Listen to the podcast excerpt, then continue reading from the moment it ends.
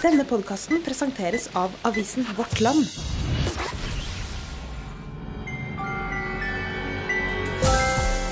Dette er Søndagsrådet med Bjørn Sørheim Kveseth. Velkommen til Søndagsrådet live fra Holmen kirke. Vi syns jo det, det, det er for litt applaus er fint, det. Takk og takk og takk. og takk. Jo, Vi syns jo det er veldig stas å få lov til å være her. Som eh, fikk høre her, så ble vi invitert bort. Og eh, vi var litt spent på hvordan det kom til å bli. Særlig det å spille inn live. Det er alltid litt sånn eh, risikabelt når man ikke kan klippe vekk ting etterpå. Eh, det, men det er jo kjempegøy å se at det er så mange som har funnet veien hit på en helt vanlig tirsdag, sånn i oktober. Det er vi veldig glad for. Eh, noen av dere kjenner til podkasten vår, noen eh, gjør det kanskje ikke. Sånn som det fungerer, er at vi har en nettside som heter søndagsrådet.no, hvor tematikken er barn, ungdom, oppvekst og kristen tro. Der kan man gå inn, sende inn et spørsmål, og så får man eh, svar fra noen av våre håndplukkede eksperter, som da er alt fra teologer til psykologer, pedagoger, folk som har eh, kunnskap om eh, barn- og ungdomsarbeid osv. Eh, og så lager vi da også en liten sending ut av disse spørsmålene. En liten ukentlig podkast. Som vi da altså skal gjøre live her. Denne gangen så kommer to av spørsmålene foreløpig fra, eh, fra menigheten, anonymt. Eh, og så har vi plukka et spørsmål som eh, har ligget på nettsida en stund, men som eh, vi fikk høre kunne være ganske aktuelt for, for Asker. Jeg må få presentere de eh, tre som er valgt ut til å være med meg her. Aller først Mai Helen Høyer Jorheim. Hun er Ja, få litt applaus. Mai Helen er psykolog her i Asker, så hun eh, vet litt om hva som rører seg blant barn og ungdom. Og så er det mannen ved min side, Kjell Kvamme, journalist i Vårt Land. Har jobba i årevis, fryktelig mange år, med tro- og livssynsspørsmål. Hvordan, hvordan er det for dere? Dere har vært med i podkasten flere ganger. Hvordan er det å være her? Være live? Jeg syns det er veldig moro. Eh, litt skjerpende. Når du sitter i studio, så må vi bare forestille oss publikum, at noen faktisk hører på. Her ser vi faktisk at noen hører på, og det, det kan bli interessant. Føler du at du har noe, noe å komme med til Askers befolkning? Eh, ja, Det gjenstår jo å se da, hva, hva de sier. Men jeg begynner jo å kjenne litt til hvordan, eh, hvordan det er å være ung i Asker. Og så har jeg, har ikke tenåringsbarn selv, men jeg jobber mye med tenåringer så andre steder også. Så vi får se da, de, hvordan responsen blir etterpå. Er det noe som kjennetegner barn og ungdom i Asker? Tja, altså, sånn? Om de er så mye, så mye forskjellige fra andre. Men mange sier at det er mye, det er mye press i Asker på å være perfekt. Man skal ha de, ha de riktige klærne, de riktige vennene og, og sånne ting. Eh, noen sier at det er mye rus og alkohol mer enn andre steder. Det er litt forskjellig. Men jeg tror så jevnt over så jeg tror ikke folk i Asker er sånn kjempe Det er det store variasjoner her også. Det, det er det. Tredjemann i panelet det er jo en som eh, dere fleste, de fleste av dere kjenner. Eh, Alexander Garman Gullaksen. Velkommen, deg også. Tusen takk. Hva slags forhold har du til Søndagsrådet? Eh, Jeg har hørt på podkaster. Jeg har det, altså. Ja.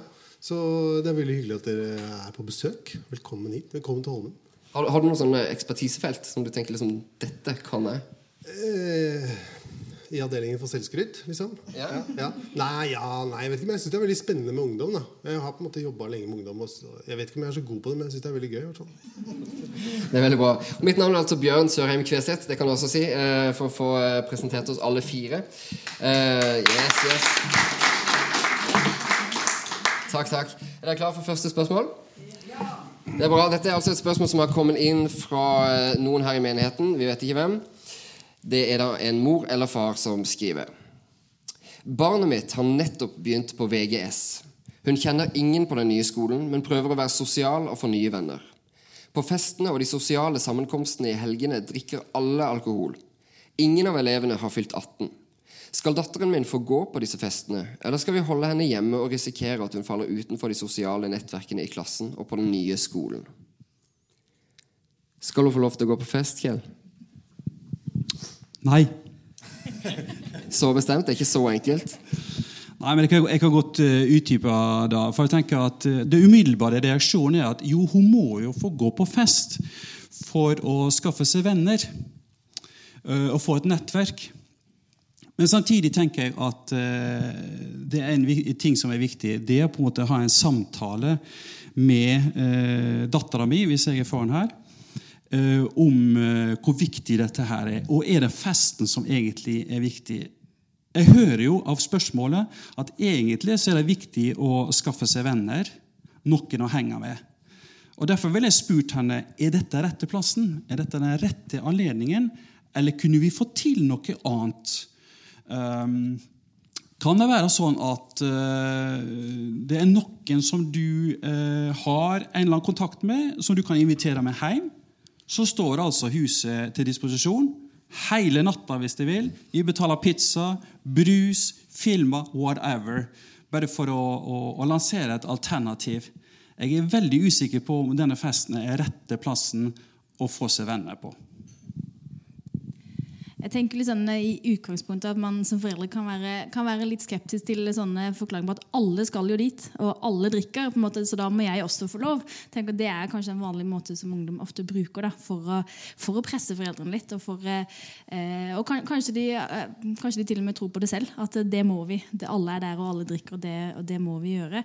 Jeg ser for meg at det er mange foreldre som sitter i noen vanskelige diskusjoner på dette. her, og jeg, jeg tenker at det, det, er fort å, det er fort som foreldre kanskje å tenke at man skal si enten ja eller nei. Tenker at Det finnes mange nyanser. Eh, kan, man, kan, man, dra dit, men man, foreldrene kjører dit, henter tidlig, som gjør at man kanskje har litt mer kontroll på hvor mye ungdommen drikker. Altså, og, men samtidig være tydelig på at man ikke ønsker at ungdommen skal drikke. Eksempel. en 18-årsgrense på alkohol. Så jeg tenker at, at liksom, Kjell sier at Dialogen og prosessen her er også viktig. Ikke bare hvilket svar foreldrene gir, men hvilken dialog kanskje man, man, går inn i med ungdommene. Hjelpe dem til å se litt nyanser. At ikke det bare er ja eller nei. Dersom dette er et ungdomsmiljø med en tydelig sånn drikkekultur, så er det ikke så lett å være den ene som da heller skal invitere på pizzafest. Være en kjipe? Ja, det, man blir jo litt kjip. ja. ja. men kanskje, men jeg tenker at er det foreldrene, foreldrenes rolle likevel å si at da får du lov? For eksempel? altså jeg tenker at eh, Kanskje skal foreldrene fortsatt være, den, være litt kjipe? Tørre, tørre fortsatt være sjefen? Hva tenker du om dette, Alexander? Ja, Gå på fest, syns jeg. ass. Ja, det syns jeg. Kjempegøy med fest, da. Kanskje du kan lære Du uttaler deg som prest nå? Ja, ja, ja så, jo, jo, jo. Ja, det er viktig med masse fest i teologien. Det, og det er masse fest i kirken. Og det er viktig med fest. Og, men kanskje jeg vet ikke, kanskje hun kan lære noen sånne triks av, av sånne gravide mødre som prøver å skjule det, som heller alkoholfri vin oppå Amigo-flaska og tar med og jeg vet ikke. Men eh, nei, men um, jeg tenker at det, det, som er kjempekult, som virker veldig bra, er at hun har en samtale Altså de har en samtale gående. Og det er jo bra. jeg tenker det, det viktigste er at de fortsetter den samtalen. Um, og kjempebra at hun har fortalt at uh, det er fest og det er drikking. Og da har de allerede en dialog da, som jeg syns er bra. Um, og så tenker jeg kanskje litt Er det mulig Går det an å fiske etter på et eller annet vis? Om, Syns hun det er litt ubehagelig å være på den festen? Trenger hun en unnskyldning kanskje for å si at jeg kan ikke komme for foreldrene mine er så kjipe at de har sagt nei? Dessverre. Um, kanskje hun er keen på å pizza med, nei, spise pizza med familien, til og med. Um, men, men ja, nei, jeg vet ikke. Jeg tenker at det er For du sa, Kjell, at liksom, er dette de riktige vennene? da? Men det, dette er jo, altså, casen her er jo det er starten av første klasse. ikke sant? De vet ikke. da, Er dette de riktige, er dette mine venner for de neste tre årene? Ikke, hvem er det jeg skal henge med, egentlig? Og går det ikke an å henge med folk som drikker selv om man ikke gjør det sjøl? Det må jo være greit, da, tenker jeg. Og hvis hun er på en måte tøff nok til å si at uh, ja, jeg er på fest, men jeg, vil bare, jeg drikker noe annet. Ikke det greit? Ja. Du var jo også litt inne på dette her at hun er helt ny på skolen. Uh, hva vet vi om akkurat sånne overgangsfase? hvis, du sånn, hvis du er litt psykolog? Psykolog. Eh, nei, Overgangsfaser er vanskelig. Helt fra unger er små ofte, så er overgangsfaser vanskelig. Og jeg tror nok for mange så er særlig den overgangen fra ungdomsskolen til videregående vanskelig. Det er, føles som en veldig stor overgang. Man, man kommer kanskje på en mye større skole, man, man, får helt nye venner, andre folk, andre, andre typer folk. Kanskje mer forskjellige folk også enn det man kommer fra fra ungdomsskolen. Så jeg tror nok mange føler seg usikre i en sånn overgang.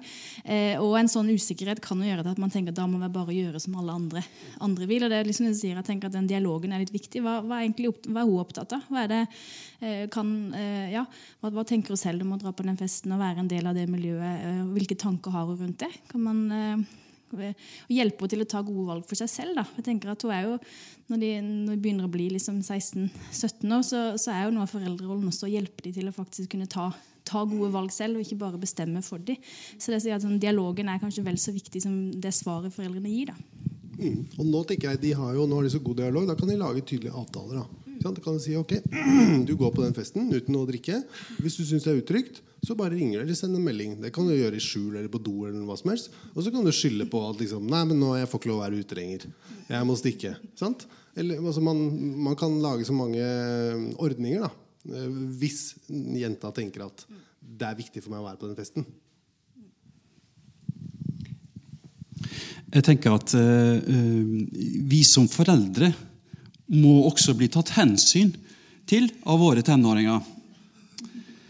Vær litt grei med oss, vil jeg si. Det tror, det tror jeg alle tenåringer er helt enig i. Ja.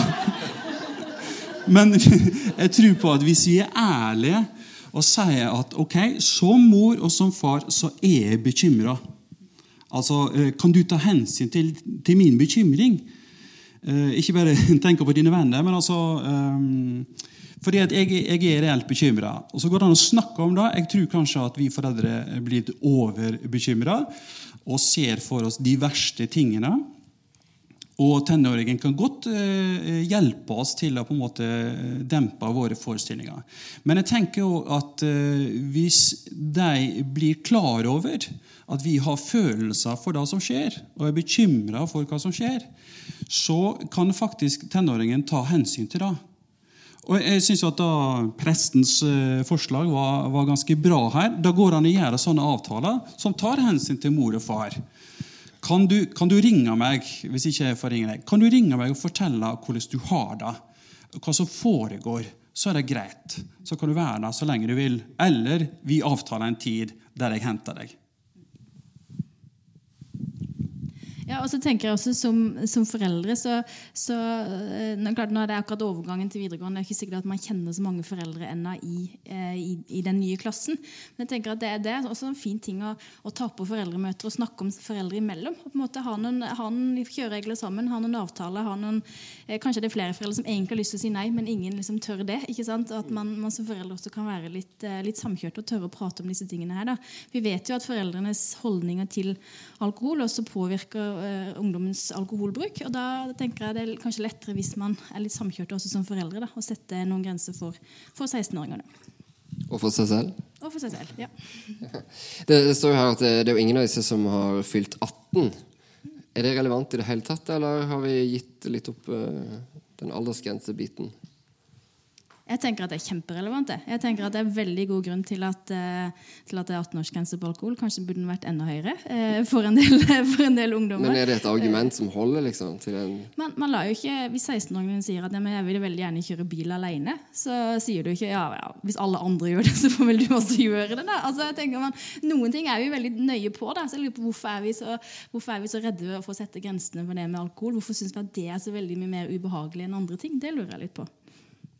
Vi er jo i kirke her, så vi må jo eh, spørre altså, Er dette med alkohol vanskeligere for kristne foreldre eller i kristne miljøer? Jeg vet ikke. Jeg, jeg, tror er, eh, jeg, tror det er, ganske forskjellig. Jeg tror kristne foreldre er, er, eh, er mye rart, hvis det er lov å si. Men altså det, At folk er forskjellige, da. Også, også kristne er like forskjellige som, som alle andre. Men, men ja. Nei, men jeg, jeg tror altså, Akkurat i dette dilemmaet så syns jeg det er så vanskelig, fordi her er det i og for seg ikke relevant.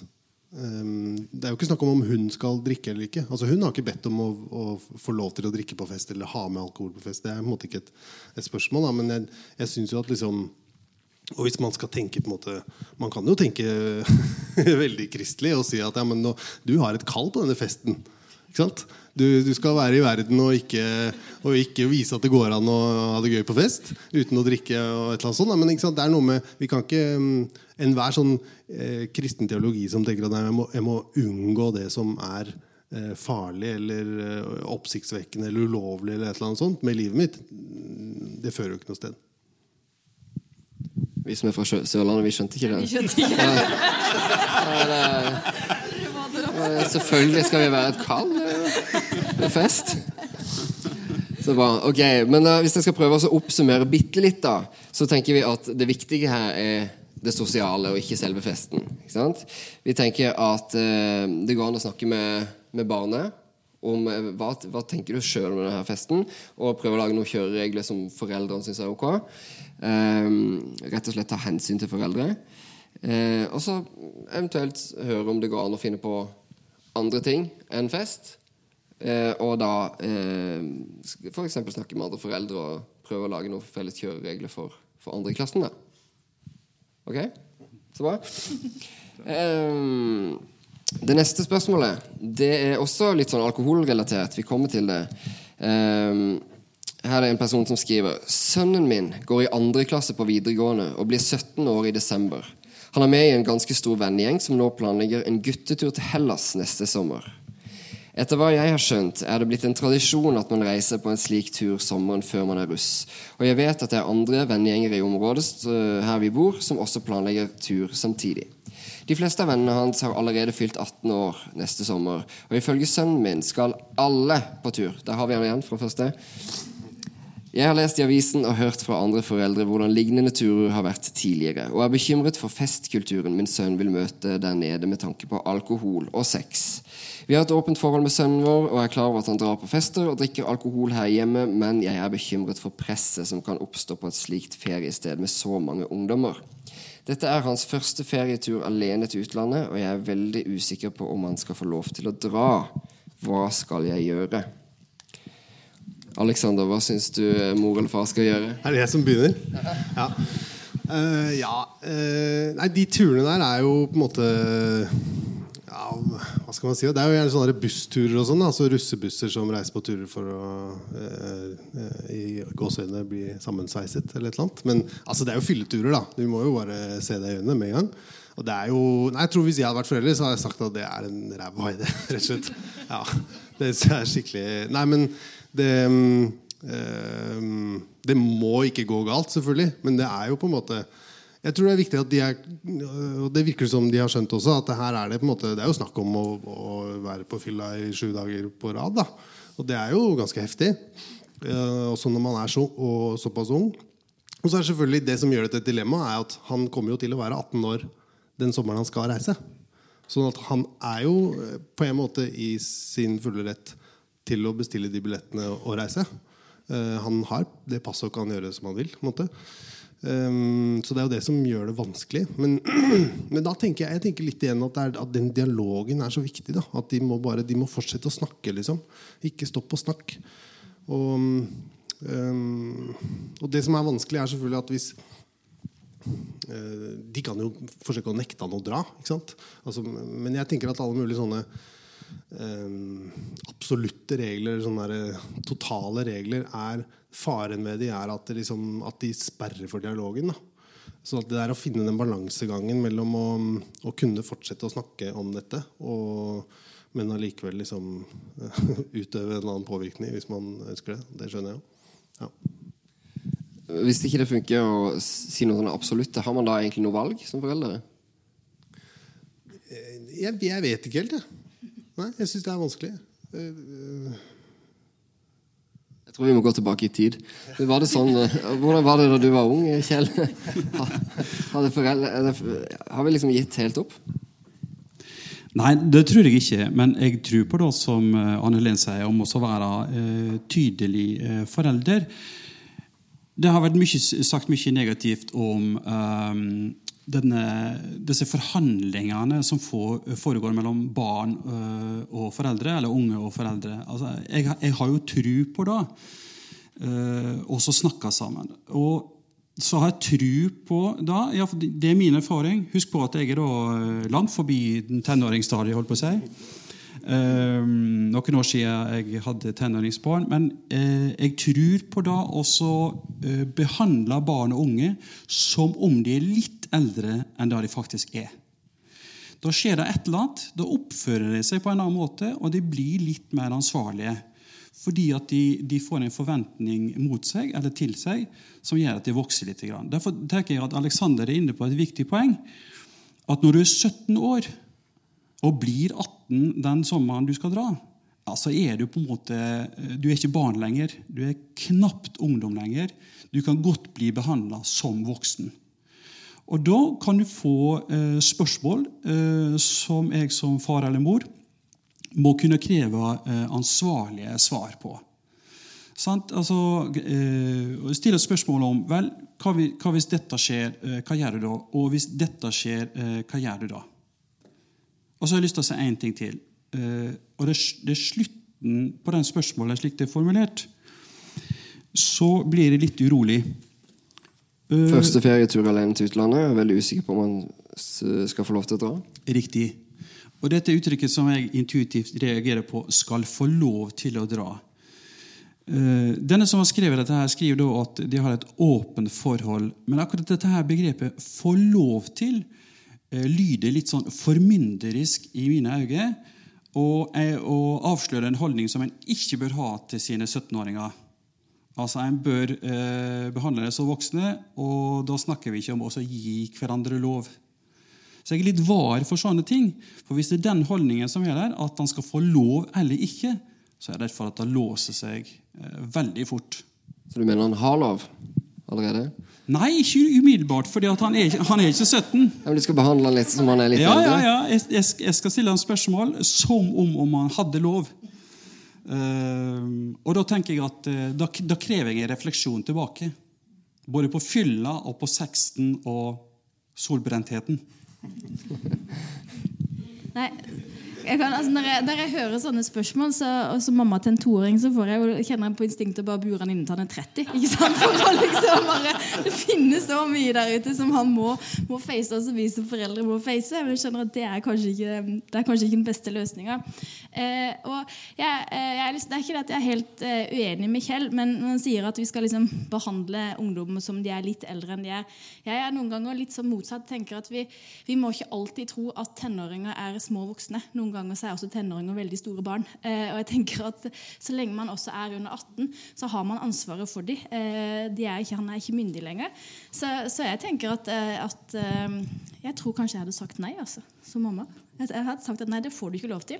Så lenge du er under 18, så, så vil ikke jeg må ta ansvar for at du drar på en tur når jeg vet hva det innebærer. Altså. Men da stanser dialogen, i, da stanser dialogen ifølge din lokale prest. Ja, ja. Da sender jeg det til deg.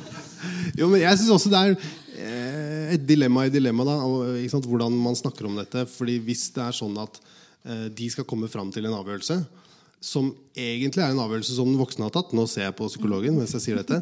Um, men den voksne framstiller det på en måte som at vi har kommet fram til en eller annen konsensus.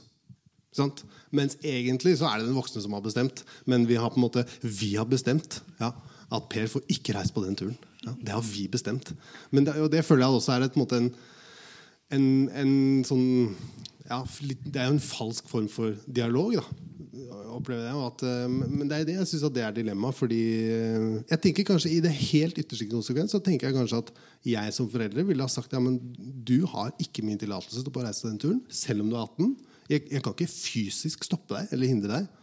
Vi kan selvfølgelig finne på andre sanksjoner, og sånt, men det er på en måte irrelevant. Men, men da, da må jo vedkommende vite at du reiser på den turen mot dine foreldres vilje. Da. Det blir jo det kjipe svaret til slutt. på en måte. Det er jo litt av det å, å bli voksen også. da Og faktisk, eh, faktisk gjøre ting kanskje mot sin foreldres vilje. da At det må også ungdommen eh, lære seg å orke å stå i. da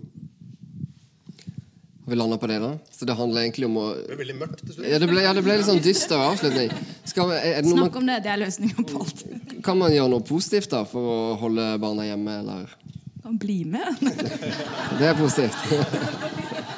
Det er en trist første kveld når du ser mor liksom Hei! Det er skuffelse for ungdommen. som kommer sånn, kan jeg få lov til å reise? Selvfølgelig kan du reise! Så skal vi være med, da, vet du. Far og meg. Ok. Skal vi ta eh, neste spørsmål? Dette er Jeg følte vi liksom hadde avslutta noenlunde. Ok, Siste spørsmål det er noe som har kommet inn fra søndagsrådet.no. Der eh, kan dere også, for så vidt, eh, hvis dere har noen spørsmål om barn, ungdom, oppvekst, kristen tro, så kan dere gå inn på søndagsrådet.no og sende oss et spørsmål der. Og så får dere svar der fra ikke nødvendigvis de som er her, men fra noen av våre eksperter, og også fra andre brukere. da, er liksom tanken. Men dette spørsmålet har ligget på nettsida en liten stund, og så ble vi bedt om vi kunne ta det fordi det er litt sånn relevant. Det er da en person som skriver Jeg er bekymret for sønnen min. Han bruker nesten all fritiden sin på lekser og trening, og da stort sett på trening han gjør alene. Han sier at han er nødt til å jobbe så masse fordi han skal ha gode karakterer for å komme inn på det han vil, og det er fornuftig, men jeg synes det er dumt om han aldri kan ta seg tid til å gjøre noe hyggelig eller være sosial, eller nyte livet litt. Det har vært mye snakk i media den siste tiden om TV-programmet Sykt perfekt, som tar opp dette med at unge jenter stresser seg syke og føler et voldsomt press på å måtte gjøre det bra i livet. Jeg tror dette vel så mye gjelder gutter, og jeg synes mye av det disse jentene forteller, passer godt på hvordan han har det. Han virker ofte sliten og stresset, eh, og det påvirker humøret hans. Jeg vil bare at han skal ha det bra med seg selv. Jeg lurer på hvordan jeg skal forholde meg til dette. Jeg er redd for at han skal eh, jobbe seg syk. Er det lurt å snakke om dette med noen eller søke hjelp? Mai Helen, får du mange som kommer til dere på eh, Barne- og familieetaten med denne type problemstillinger? Ja, ja det, det, nå jobber ikke jeg liksom bare jeg jobber liksom litt med, med, mest med skolefravær. Men jeg tror at dette er en problemstilling som, eh, som veldig mange kjenner på. Og, og jeg synes Mange sier at det er også litt spesielt i Asker. At dette det passer egentlig ganske godt i Asker. Da. Både jenter og gutter som, eh, som ganske tidlig begynner å, være veldig opptatt av at alt skal være veldig perfekt. Eh, som nok mange kjenner seg igjen i den, den TV-serien. Og mange foreldre blir veldig, blir veldig rådville eh, og kontakter oss for å, for ja, for å få hjelp eh, til å ja, lure litt på, på, hva de skal gjøre selv. Og mange lurer også på er det noe galt med barnet mitt. Skal vi liksom trenge barnet hjelp for dette her også? Så det, er nok et spørsmål som mange, mange lurer på. Det. Jeg tror det er ganske, ganske vanlig å møte den problemstillingen. Mm. Men, så de bør søke hjelp, tenker du? Ikke, altså, ikke, nei, ikke sånn nødvendigvis. Jeg tenker at Hvis, eh, altså, hvis de er så bekymra at de nesten går utover sin egen fungering som foreldre, så er det lurt å eh, oppsøke hjelp og snakke, snakke, med noen om det. Da må de kontakte barne- og familieenheten. Dere som bor her i. Eh, men, eh, eh, det kan være lurt. Eh, kanskje man kan snakke også med andre foreldre, for eksempel. Kanskje det kan liksom lette bekymringen sin. Så, så, dette handler litt om er det på en måte foreldrene som som går med så stor bekymring at de liksom plages av det selv, eller, eller, opplever de at ungdommen blir så plaga av det selv? Det går liksom ikke så tydelig fram hvor, hvor, hvor mye ungdommen selv er plaga av det. Det sto kanskje litt som at han, de opplevde at han var stressa og, eh, og sånn. Ja, mye sliten og stressa, ja. og det påvirker humøret hans. står ja. Det er, det er vanskelig å liksom skulle si noe veldig konkret ut fra så lite informasjon. Men, men jeg eh, tenker at det er jo ikke det at ungdom har liksom vondt av å, å, bli litt slitne. Altså vondt av vi, vi må, vi er, Jeg tror vi som foreldre er veldig redde for at, at ungene våre skal liksom stå i ubehag. Vi skal liksom beskytte dem fra alt som er ubehagelig, til og med ting som kan være fint. da. Men klart, hvis de opplever at det er så stort, eh, at det er så stort problem at det går utover mange sosiale ting, mange andre ting, så kan det være god grunn for å drøfte med noen om, om de skal søke hjelp som familie. da. Hva tenker du om dette, Kjell? Nei, altså, Jeg er opptatt av hensynet til foreldrene her. Så, så jeg er jo også bekymra for meg sjøl i denne situasjonen. For greia er nemlig altså uh, Har jeg med min væremåte, min livsstil og mine verdier sendt noe som helst signal som har bidratt til dette her? Skifter jobb for å eh, få høyere lønn, eh, bedre karriere, og, og er opptatt av stadig skifte biler og, og fine ting? Eller eh, har jeg en litt mer sånn tilbakelent eh, forhold til det meste av livet og sier at jeg er bra nok, jeg har et bra liv, og sånn er det med deg. Selv om du er bare 17 år og ikke får de beste karakterene, så trenger du ikke toppkarakterer, og du trenger ikke en toppjobb for å være ålreit og for å ha et godt liv. Slapp litt av. Men jeg tenker, jeg tenker at uh, her måtte jeg nok tatt en prat med mor og spurt oss uh, hva, vi, hva, slags rolle har vi i dette. Hva, hva, tenker du, Kjenner du deg igjen i den problemstillinga i dine møter med ungdom? Ja. det er veldig, sånn, jeg syns det er veldig symptomatisk, egentlig. At um, jeg, jeg, tenker ofte at liksom, ungdom er liksom i sin egen verden litt. Det var ikke meningen at det skulle være morsomt, men altså, jeg, jeg, mener det at de, måte, de, lever litt i en egen verden. De har sin egen verden. Da. Og den verden, Det er masse fint med det. Det er masse måte, samhold og, og relasjoner og, og, masse god omsorg og masse fint, men det er også eh, det, er, det, er, et hierarkisk system. da? Altså, de lever, det er en sosial rangstige ikke, eh, så, som handler om sånn der, hvem er som er kul og ikke er kul. Og det er ikke sånn båsete, sånn jeg synes, men jeg synes det virker som det er på en måte ganske sånn trinnløst.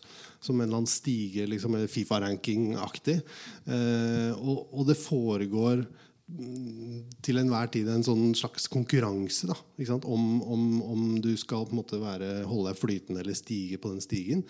Um, og de, og sånn at De konkurrerer på en måte om alt fra likes til, um, til skoleprestasjoner, karakterer, til utseende, kropp. Trening, sånn som det er snakk om her. Om, om um, hvilken skole er best å gå på, hvilken russebuss det er best å være på, hvilken skolerevy som er best, og hvilke ferier. Det er masse ting å konkurrere om da, som, som, som, genererer på en måte en eller annen oppdrift eller ikke. og det interessante synes jeg er jo at når ungdommen snakker om press, så så, så, så, innrømmer de jo at dette presset er ikke For, vi spør dem sånn ja, men er det, liksom, er det, press fra lærere, er det press fra trenere, er det press fra foreldre? Ja, det er egentlig press fra oss selv. De sier jo det, de innrømmer det. Og sier at denne verden er lukket på en måte og har sine egne liksom, sosiale mekanismer som, som, som, sliter dem skikkelig ut. Da. Som gjør at de på en måte presser seg sjøl til de tingene. Og, og, jeg tror, som du Frank sier, at um, Selvfølgelig Til en viss grad så er jo deres verden en avspeiling av vår voksenverden, som vi også lever i og har skapt. Uh, men, men, uh, men, nei, jeg tror det er vanskelig, altså. Uh, og de, de, jeg syns de strever under det. Og jeg tenker at som voksne så må vi på en måte forsøke å se inn i den verden. Vi slipper ikke inn, men vi kan gjennom samtale og gjennom å lytte og være til stede med, med barna forsøke å ja, og se inn i det og forsøke å forstå, forsøke å forstå deres situasjon. Og, øh, men også aldri gi opp å finne noen gode måter å si at du er god nok. Du, du, du er øh, Dine prestasjoner er ikke det som definerer deg som menneske, eller som definerer din verdi. Og som kirke og som kristne har vi jo superbra utgangspunkt. Vi kan si hallo, du er, du er så mye verdt at du er verdt å dø for. Sant? Det er jo helt fantastisk. Du er satt fri. Du er fri. Du, du, er det mest verdifulle, helt uavhengig av dine prestasjoner. Det er veldig bra at du, du sa noe om kirka. For, fordi at, eh, jeg tenker at eh, i den grad eh, kirka kommer i posisjon overfor de unge, og da gjør en jo da ikke minst overfor konfirmanter, så har en, en absolutt mulighet til å være hva skal vi si, motkulturell i en tid der ungdommen og også vi voksne skal uh, skape oss sjøl og vår egen identitet, så kan vi uh, heller forankre vår identitet i en som er skaperen, uh, og som gir oss verdi. Jeg tenker at det, er rett og slett å være motstrøms i en moderne tid. Ja, nei, jeg er jo litt så i, i, i, dette så jeg blir også opptatt av, av foreldrenes rolle i dette her som, som forbilder. og som sier at Man kan kanskje ikke liksom klarer å, å, å, forstå ungdommen helt. Og de vil iallfall ikke tro på at du klarer å forstå dem helt uh, uansett. Da. Men jeg tenker at man, man, signaliserer også så mye gjennom sånne små ting i hverdagen. Da. At man som foreldre kan være litt bevisste på det. Hvilken respons man gir på karakterer for eksempel, som de kommer igjen med når man snakker om, uh, snakker om, om yrkesvalg videre. Uh, jeg vet ikke om det er spesielt for Asker, men, men jeg møter ofte foreldre som er litt sånn at selvfølgelig så skal liksom, barnet NTNU. Liksom. Det er bestemt når man skal gå på ungdomsskolen. Så kan han til nød gå elektro, for da kan man ta påbygg og bli ingeniør. Så det er veldig bra å ha det med seg. At man, man, snakker liksom ned mange sånne ting. Da.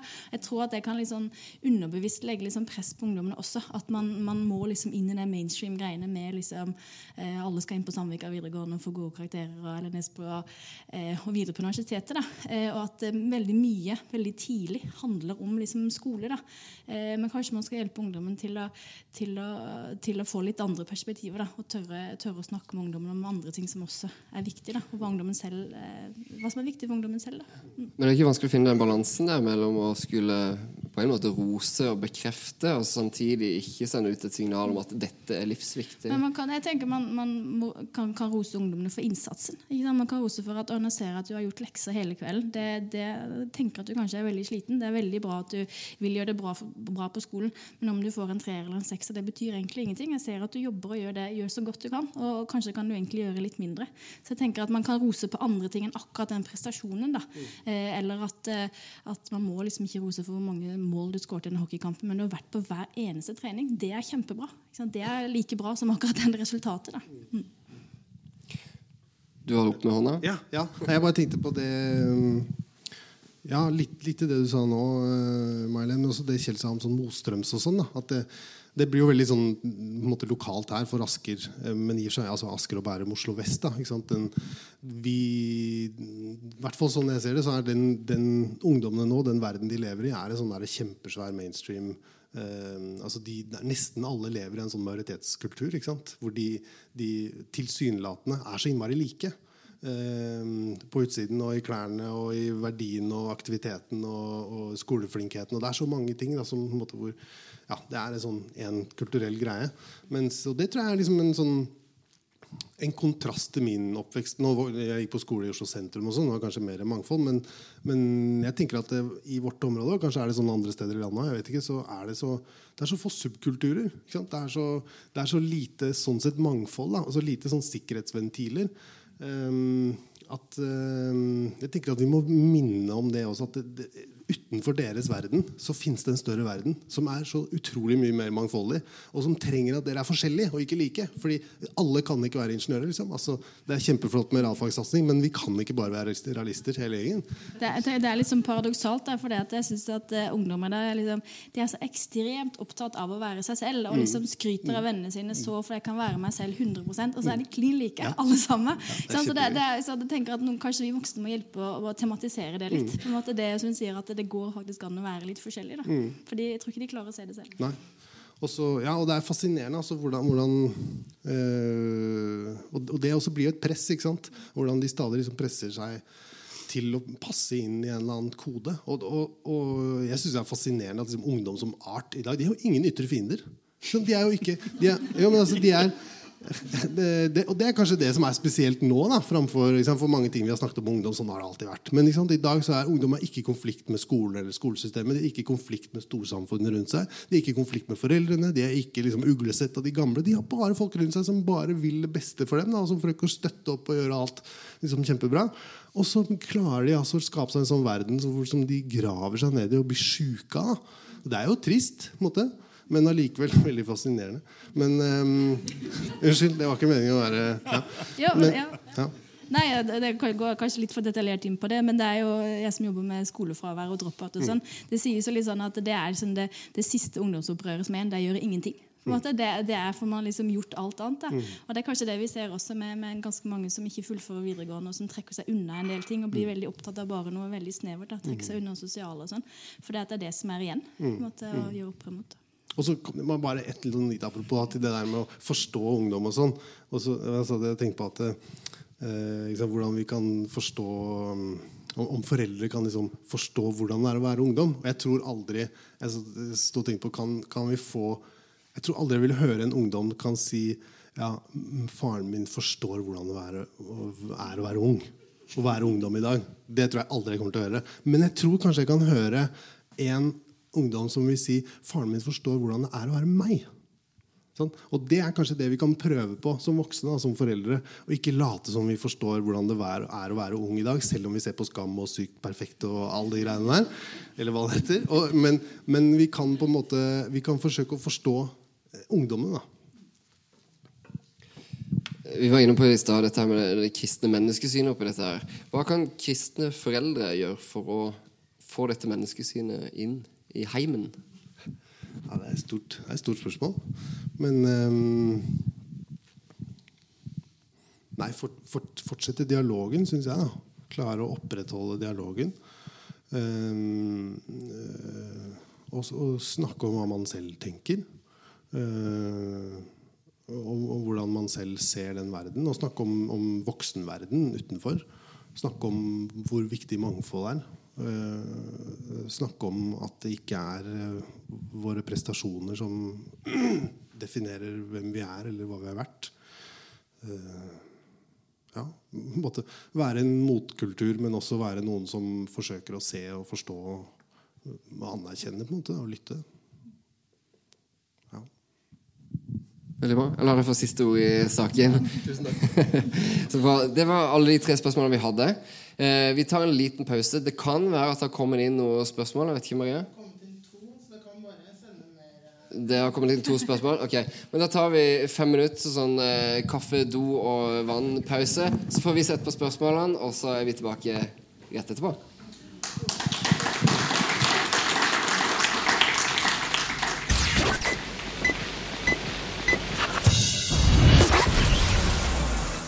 Skal vi, Da kan vi si sånn Velkommen tilbake til Søndagsrådet live, del to! Ok, Mens vi drev på forrige runde, så fikk vi da altså inn et par spørsmål fra dere som sitter i salen. Vi vet ikke hvem, så det er veldig spennende. Eh, men eh, vi skal ta det opp, og så skal vi eh, se hva vi kan komme fram til. Som jeg sa til noen her i pausen, vi, vi prøver jo liksom ikke å Vi har jo ikke fasiten på disse tingene, men vi tenker at det kan være fint å slenge ut noen tanker. Reflektere litt rundt det. Kanskje dere kommer på noen gode ideer selv. Et eller annet dere kan ta med dere. Ok, Skal vi bare gå i gang? To spørsmål? Ok, Det første er da en person som skriver Skal vi se Der. Dagen etter festen spør jeg ut 16-åringen. Etter mye spørsmål sier ungdommen at venninnen drakk. Jeg vil ringe moren, som jeg kjenner fra nabolaget, jeg vet at ungdommen blir sint.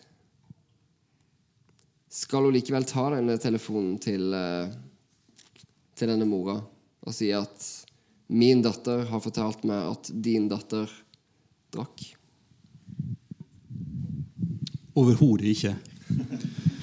Eh, her skal mor eh, holde kjeft. Fordi at dette er en opplysning som hun har fått i fortrolighet. Eh, selv om det, det kan høres ut som et uh, forhør, uh, dette her. Så er det iallfall Hun har fått en opplysning som, som hun må beholde eh, i tillit. Og den tilliten blir kraftig ødelagt hvis hun da går til mora. Så her, hvis jeg var mora, så ville jeg nok tatt en prat med, med 16-åringen sjøl om hvordan dette her kunne løses hvis det var en eh, stor bekymring. Men sånn som Marilene var inne på i del 1, når vi snakker om det samme, at man tar så lett på alkohol Hadde det vært eh, en 16-åring som kjørte bil, eh, så ville du slått hardt ned på det. Dette handler jo også om å beskytte en 16-åring som Jeg, jeg tenker at Det er litt viktig. Det kommer litt an på hva, hva det er snakk om. Var, var Lise på fest og tok seg en øl?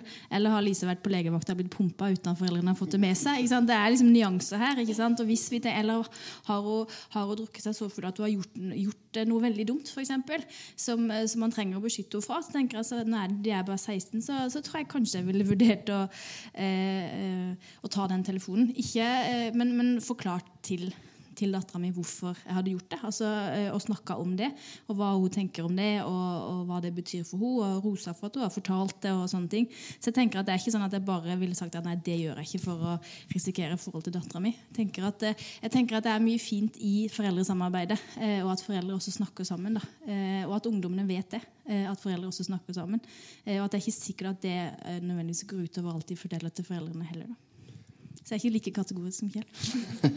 Ok, da, da har vi én på hver side her. Ja, nei og ja. Hva sier du? Ja, nei, her har faktisk Kjell Kjell rett, da.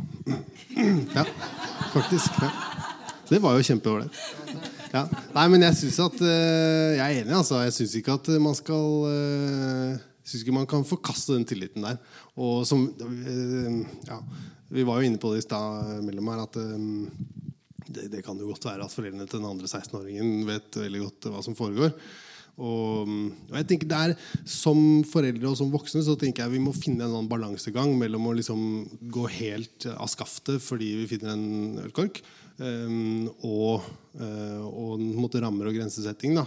Og, um, og jeg tenker på en måte at uh, I stad slo det meg at 16-åringer flest kjører ikke bil hver helg, og det går stort sett bra. Tenkte jeg på. Altså, Det er satt litt på spissen, da. Men uh, hvis du skjønner hva jeg mener. Altså, Hvis de bare er unge nok, så kjører de ikke bil, til å være greit. Nei, men altså, Vi må på en måte se i øynene, om vi liker det eller ikke. Veldig mange 16-åringer drikker alkohol. Eh, og det går ganske ofte greit.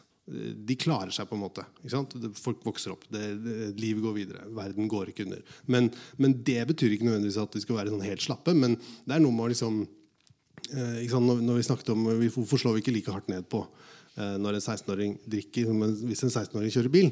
Eh, så tenker jeg at det, er jo en del av den, den majoritetskulturen igjen. Da. Og det kan vi godt opponere mot, men vi må på et eller annet vis innfinne oss med at det er litt sånn realiteten er, tror jeg, og, og, og begynne samtalen der. da I stedet for å si at liksom, du, nå må du i fengsel. Da kan det være at det låser seg bitte litt. tenker jeg.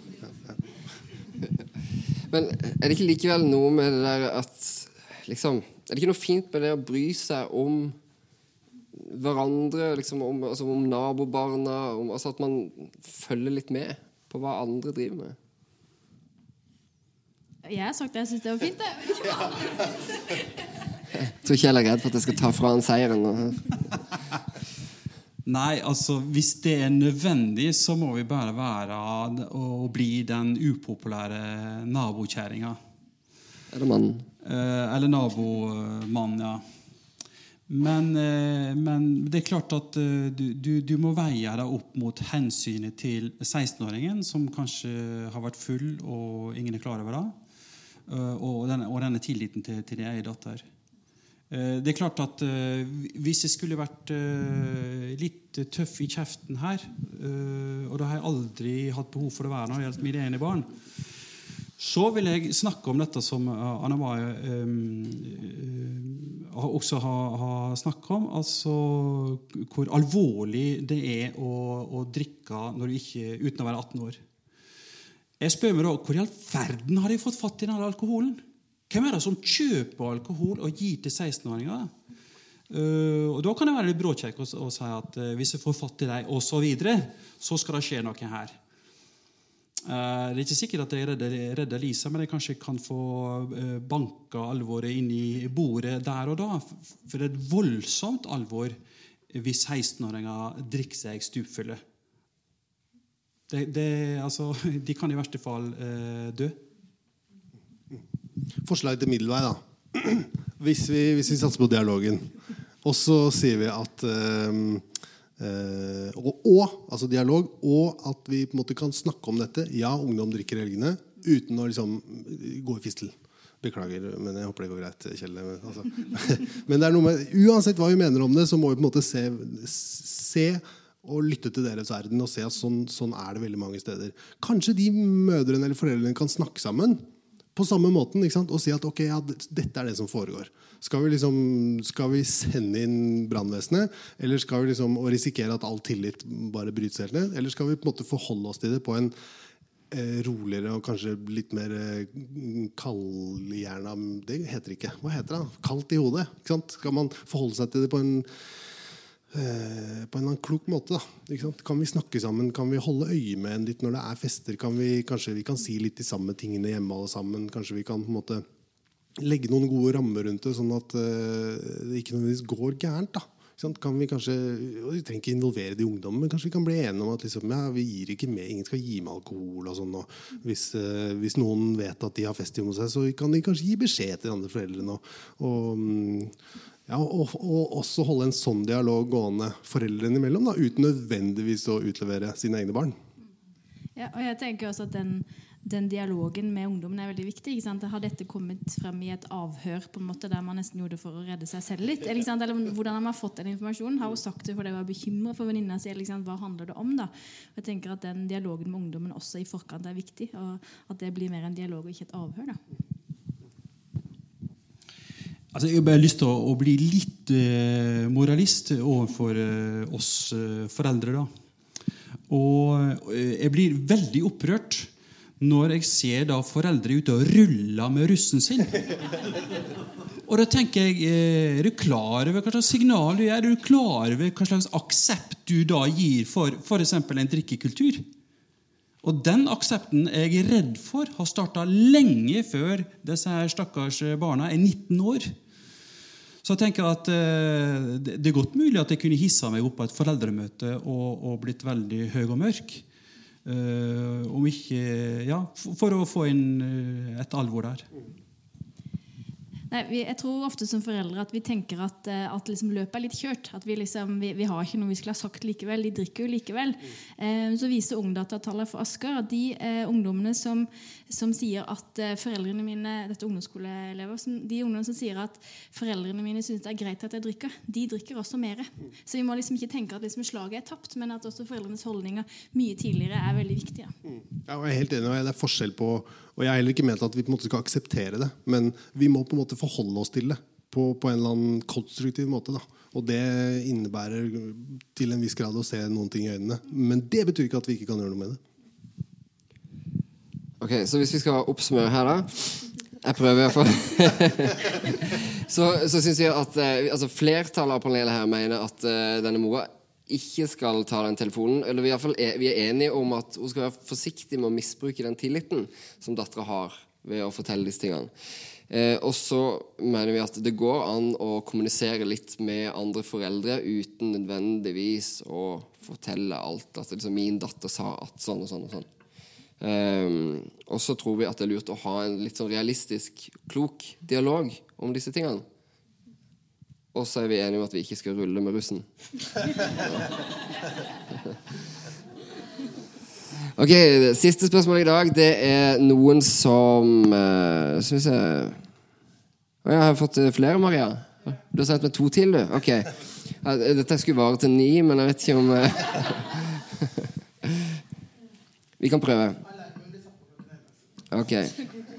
Ok, Vi kan ta litt, sånn, eh, vi kan ta litt kjapt eh, på de som er igjen, da. Eh, neste spørsmål er Er det noen ganger greit å være moralist i forbindelse med samtaler med ungdommen om sex?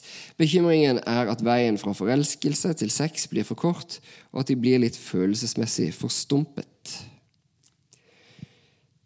Hva skal man si til dette? Er det, er det liksom lov å være moralist om dagen, eller skal man liksom bare nikke og smile og si at hvis det føles greit for deg, så er alt lov? Ja, det er trange kår for moralister om dagen. Det er det. Men um, Nei, det er, det er jo, dette er et dilemma. Fordi på den ene side så har jo Og særlig hvis det er måtte snakke om ungdom over 16 år. Da? De, er, altså, eh, de er kanskje ikke myndige, men de er jo over den seksuelle lavalder. Og, altså de, på den ene side så har, er de sin fulle rett til å ha et seksualliv. øh, Og ha det i fred, også fra sine foreldre. På den andre side så har jo selvfølgelig alle foreldre rett til å si noe om hva de mener. Det, det er lov. Absolutt. Uavhengig av på en måte, så, så det syns jeg man kan si, uavhengig av hva, hva man mener om det. på en måte. Men jeg tror kanskje at um, Jeg tenkte på um, May-Helen sa noe interessant i pausen. Og sa ja, hvorfor er alle tennisforeldre så innmari opptatt av alkohol og sex? Hva er det som er uh, hvorfor, uh, Hva er det de driver med, egentlig? Men, uh, det tenkte jeg litt på at liksom, kanskje man skal Før man går inn i en sånn samtale, kanskje man skal ta en sånn god gammeldags selvransakelse, som det het i gamle dager. Og, og prøve å finne ut av liksom, hvorfor, hvorfor vil jeg snakke med mitt barn om dette. Nå, nå vil jeg snakke med mitt barns seksualliv. Hvorfor, hva er det i meg som gjør at jeg ønsker det? Uh, og da snakker jeg om ikke hva man vil oppnå med den samtalen, men hvor, hvor, eh, hvor kommer den trangen i meg til å snakke om det? Handler det om er jeg redd for noe? Er, det, er, jeg, altså er jeg redd for at det skal skje vedkommende noe? Er, det, er jeg redd for at mitt barn skal gjøre noe galt til noen andre? Er jeg redd for, har, det noe med skam å gjøre? Er jeg redd for at liksom, mitt barn skal kaste skam over min, eh, min prektige familie, f.eks.? I verste fall altså, Man kan jo til og med tenke seg altså, hvis, hvis et barn åpenbart har mye mer seksuelt aktiv enn foreldrene? Har det noe med sjalusi å gjøre? Kan, kan det, være, det kan være hundre ting. da Det er utrolig hva man finner hvis man går en tur og sier til Gud at nå kan du ikke se hva som er inni her. Det er, det mye rart. da Så det jeg ville kanskje tenkt at um, jeg, gjerne, jeg tror jeg ville ha funnet ut av hva er det som driver meg til å ta den samtalen? Og hvis det bare er at liksom, nei, men jeg har noen verdier som jeg har lyst til å overføre, fint. Men ja, vær litt uh, vil jeg ha funnet ut av hva som driver deg. Syns jeg er interessant. Og dersom man har noen verdier som man tenker at uh, det er fint å overføre til barna, er det da lov til å være moralist? Det er lov til å være tydelig, i hvert fall. Uh, en trenger ikke være moralist selv om en er tydelig. Um, jeg syns sjøl at uh, det var vanskeligere å snakke med mine barn om sex enn alkohol. Litt mer intimt? Ja, og eh, sant? Eh, sex er ikke nødvendigvis eh, skadelig eller farlig eller har eh, potens, potensial i seg til å, å ja, ødelegge et menneske sånn på den måten. Det er noe fint, det er noe som to forelska mennesker kan ha sammen. Men jeg, jeg turte i hvert fall, mener jeg sjøl, å være tydelig på hva jeg mente. Eh, når eh, Og at en, seksuell debut for tidlig ikke var smart. Og, og, og hele tatt denne bekymringen som, som kommer fram i spørsmålet. At veien fra forelskelse til sex blir for kort. Ja, riktig. Og, og det, det svaret jeg fikk da, eh, var jo Ja, jeg vet hva du mener. Og da var, liksom, da var det vanskelig å argumentere etterpå, da. Ja, jeg tenker også det at, det at det går an å være eh, tydelig uten å bli oppfatta som moralist. Og så tror jeg også at hvis, hvis de, den eneste gangen du på en måte skal liksom ta en alvorlig prat med ungdommen din, det er hvis du skal snakke om, eh, om sex og alkohol, på en måte, så blir det jo veldig fort den strenge moralistiske forelderen. Men tenker at Jo mer man klarer å være involvert i ungdommens liv i hverdagen og snakke om også andre ting som ungdommen er opptatt av, så vil de også være mer mottakelig for den samtalen. Så ikke det blir sånn du får ikke lov, eller du får lov, på en måte, men at, at det, det blir eh, som med andre ting, så er vi opptatt av å hjelpe ungdommene til å ta gode valg for seg selv. Og at det blir mer naturlig at det handler om det. Og det kan også handle om venner, det kan handle om skoleting, det kan handle om så mange ting. da. Tenk at Det er noe av det viktigste vi gjør som foreldre, er å hjelpe, hjelpe ungdommene til å, til å se at det finnes nyanser. Den ungdommen er jo så veldig sort-hvitt, eh, og det er så fort som foreldre å bli liksom fanga inn i det og skal si et ja- eller nei-svar, og så blir man en, liksom, enten den kjipe eller den kule forelderen. på en måte.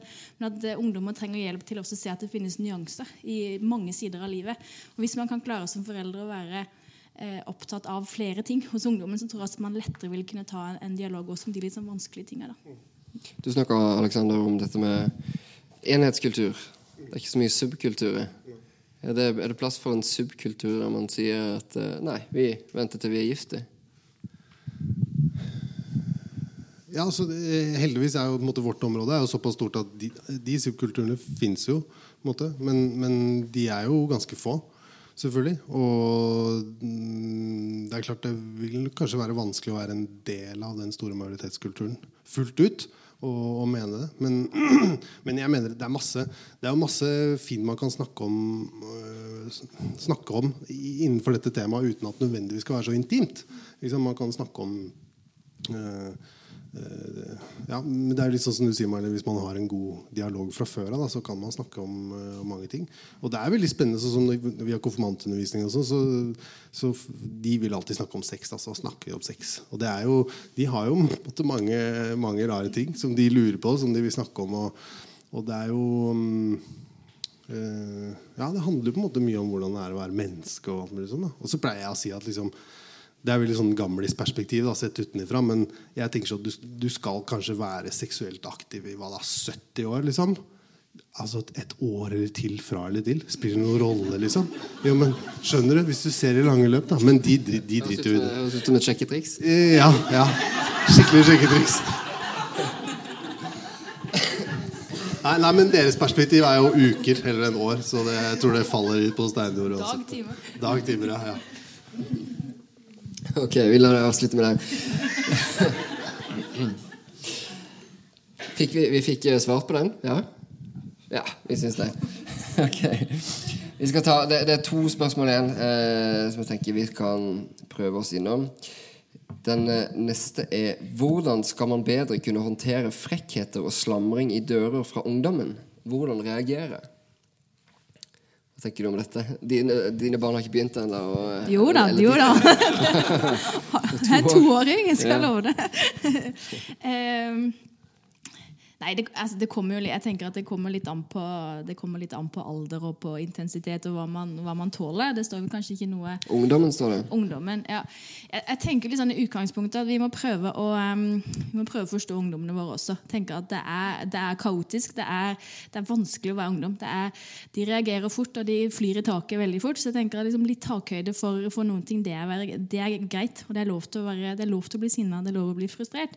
Men klart at hvis dette plager hele familien, på en måte, måte. Og at det er for, for bagateller så, så tenker jeg det er noen ting man kan ta opp med ungdommene og snakke om hvilke regler som, som gjelder i huset her. Da. Og, og snakke om folkeskikk og handle, snakke om hvordan man oppfører seg, hvordan andre oppfører seg. Da. Har det smelt mye i dørene hjemme hos familien Kvarme opp igjennom? Nei, eh, det er ikke det. Dessverre, kanskje. For jeg mener at eh, spesielt dørslamring er en helt legitim kommunikasjonsform. Um, og, jeg, er helt enig med Mai Helen. Uh, som foreldre skal vi tåle ganske mye. Hvis vi da har vært tydelige på at ok, uh, jeg uh, kaller ikke deg en idiot, og vil helst ikke bli kalt en idiot, så må du ikke markere hver gang du hører idiot. Du kan tåle litt å bli kalt idiot. For du kan være sikker på at eh, sønnen eller dattera di er fullt klar over at eh, dette er ikke populært. Men det å altså tåle som far eller mor er, er en underkommunisert underkommunisert dyd. Skal jeg si noe til det òg? Veldig, veldig mye å svare på på en gang. Ja. Jeg kan si, jeg kan si en ting Ja, du tenker på Gjør det, gjør det, så, som, jeg, som jeg tenkte på. Og det er at eh, Noe som kan være viktig med disse tingene her, er jo å snakke om disse tingene i fredstid. Du tar ikke den, eh, den diskusjonen på den slamringa i døra når ungdommen akkurat slamrer i døra. Da er ikke, hjernen er ikke mottakelig for, for en konstruktiv samtale om det når ungdommen er veldig irritert. Men, men, men ta den praten når det, når det er greit. måte Hvordan vil vi ha det her hjemme? Og ha takhøyde for at noen ganger så smeller det likevel. Men at det kan i hvert fall pra, prate om det i forkant. da eller etterkant, men ikke akkurat der og da. Ja, det var klokt sagt. Ja. Jeg, har ikke noe, jeg tror bare hva jeg skal si. Drit i det, tror jeg. Ja. Altså, ja, det er det klokeste jeg har å. Det går over, gjør det ikke det? Ja. ja. det er Asker menighets offisielle syn på, på den saken. Det er bra.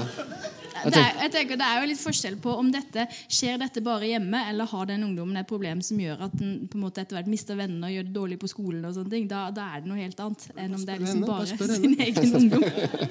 Ok, så, så hvis vi skal oppsummere, da, så er det altså Man skal tåle ganske mye. Man skal ta den samtalen i fredstid. Eh, og så, eh, som du sier på slutten her, at man må se litt om dette går utover andre ting. Om det er liksom et temperamentsting. Eventuelt montere Hvis det er veldig veldig vanskelig, så kontakt barnefamilien. Siste spørsmål i dag Det er eh, en person som skriver 19 år og voksen myndig. 19-åringene er ikke voksen nok til å følge opp tannlege for tidligere skade som må følges opp, skole, universitet for studiebevis og skolens krav til levering av oppgaver med mer. Og så har ikke den voksne forelder lov til å, å blande seg inn, eh, så det blir til det beste for ungdommen. Tips, please. Ok, Dette er jo 19-åring, da, så det er en person som eh, er myndig og vel så det. Men altså, dette, dette handler jo litt om sånn der, hvor mye skal man blande seg etter at barna har flytta ut? type ting. Uh, I dette tilfellet så går det på at han ikke klarer å følge opp avtale og, og time og sånn. Men han, du har utflytta barn, Kjelle. Hvor mye blander man seg borti? Man slutter jo aldri å være far. Eh, Det var svaret nå. Eh, Fristende å svare ja, men du har jo rett i det. Eh, Jeg gjør ikke det. Sjøl flytta jeg på hybel da jeg var 16 år. Og det er sånt som skjer på, i grisgrendte strøk på Vestlandet og i Nord-Norge. Uh, og der var ingen uh, mor å klamre seg til. Far var død, så jeg måtte klare meg sjøl. Og jeg hadde faktisk jobb i Bergen. Men jeg tenker at eh, eh, Og så har jeg vært litt bråkjekk og sagt at uh, alle bør gjøre det samme som meg. Flytte ut når du er 16 år og få ansvar for livet ditt. Det er beste måten å lære på. Samtidig så har du full frihet. Så jeg er litt sånn uh, Jeg, er litt, jeg tror jeg vil innta det litt brutale standpunktet og si at beklager, når du er 19 år, så må du også ta støyten. Men, men eh, vi, vi er jo heldigvis lært sånn at vi lærer. Vi lærer av våre dumheter, av tabber, av glemte avtaler, av, av en skeiv tanngard eller hva som nå skjer. Altså, det er en læring for livet. Og jeg tror at det blir fort en bjørnetjeneste hvis en skal eh, gå inn og på en måte bistå 19-åringen for mye. Altså. Eh, han eller hun må få lov til å, å bli voksen på godt og vondt. Men det er klart, hvis det handler om å sette opp kalenderen på iPhone, slik at eh, du kan legge en avtale og du blir varsla, så går det an å bistå. Ja, jeg tenker Det er vel kanskje typisk vi psykologer. Da. Det er liksom på den ene og på den andre siden hele tida. Ikke så veldig konsekvente. Men jeg tenker jo også at, at eh, selv om man er 19 år og man er myndig, det, det er ikke alle som, som klarer og, eh, den overgangen til å plutselig skulle organisere hele livet sitt selv. Eh, og noen trenger kanskje omsorgsfulle foreldre som kan hjelpe dem litt i det, uten at man skal ta over hele greiene. Men så sier hjelp dem sette opp kalenderen, snakke med, snakke med, med barnet sitt. Hva er det, hva er det du syns er vanskelig? Kan, kan vi hjelpe deg med å planlegge noen ting? Kan vi, uten at man liksom tar over og gjør, eh, og gjør alle ting. Eh, og jeg tenker at man kan, man kan, gjøre det en stund uten at man eh, tar liksom veldig stor skade av det. Da. Men at det kan være en måte å hjelpe ungdommen til å bli voksen. Så det, det, det, kan jo få store konsekvenser hvis man ikke klarer å følge opp en del sånne ting så tidlig, som kan få mye større konsekvenser enn, enn hva, det, hva, hva, det, vil få om foreldrene hjelper litt. Grann, da. Det er jo ikke så lett da, som forelder å stå og se på en 19-årig sønn eller datter som går på trynet? Nei, det, det høres ut som det er så fullstendig forfall på, på, på gang her. Men uh, det virker jo ikke akkurat sånn. da Jeg vet ikke, altså Jeg gikk ikke til tannlege på åtte år. eller noe sånt altså. Jeg gjorde ikke det. Så, det er sant. det er sant ja. så, Men da jeg kom til tannlegen, så Du, ett hull. Det er sant. Masse masse plakk, da. Men, men um, Nei, men jeg vet ikke. Jeg, jeg lurer litt på om liksom er det er det kanskje det, Dette vet ikke jeg, da, fordi jeg har ikke så store barn. Men kanskje det er litt sånn det er å være forelder for store barn. Er, da er man bekymra, altså, selv om de er myndige. Og um, uh, Ja. Men at uh, ja, Litt som Kjell sier, at det her, det, det, dette må jo på en måte gå seg til. Men, men det er klart, det, handler jo om dialog igjen. At, uh, men man må kanskje på en måte være jeg vet ikke, kanskje være mer ydmyk i den dialogen enn man har vært tidligere. Og være enda mer på, på, på tilbudssiden. Jeg tror vi skal avslutte med, med, det og rett og slett si at dette er, her er det en person som er voksen. Eh, han må ta litt ansvar for seg selv, og foreldre bør ikke ta kontroll, men vi kan hjelpe til med småting. Er det rett, rett sagt? Tilrettelegge litt for at uh, denne 19-åringen skal greie seg på egen hånd. Ok, Tusen takk for, til dere som har sendt, ut, eh, sendt, inn spørsmål. Jeg vet ikke hvem dere er, men eh, det er veldig hyggelig Veldig hyggelig at dere har hørt på oss. mens vi har vært her. Eh, hvis dere har lyst til å høre mer av disse podkastene, så finner Søndagsrådet på iTunes. Eller dere kan gå på søndagsrådet.no. Der finner dere også artikler om, om, denne tematikken, om barn og ungdom og oppvekst og slike ting. Så må vi bare si tusen takk for oss, og tusen takk dere, til dere for at dere kom.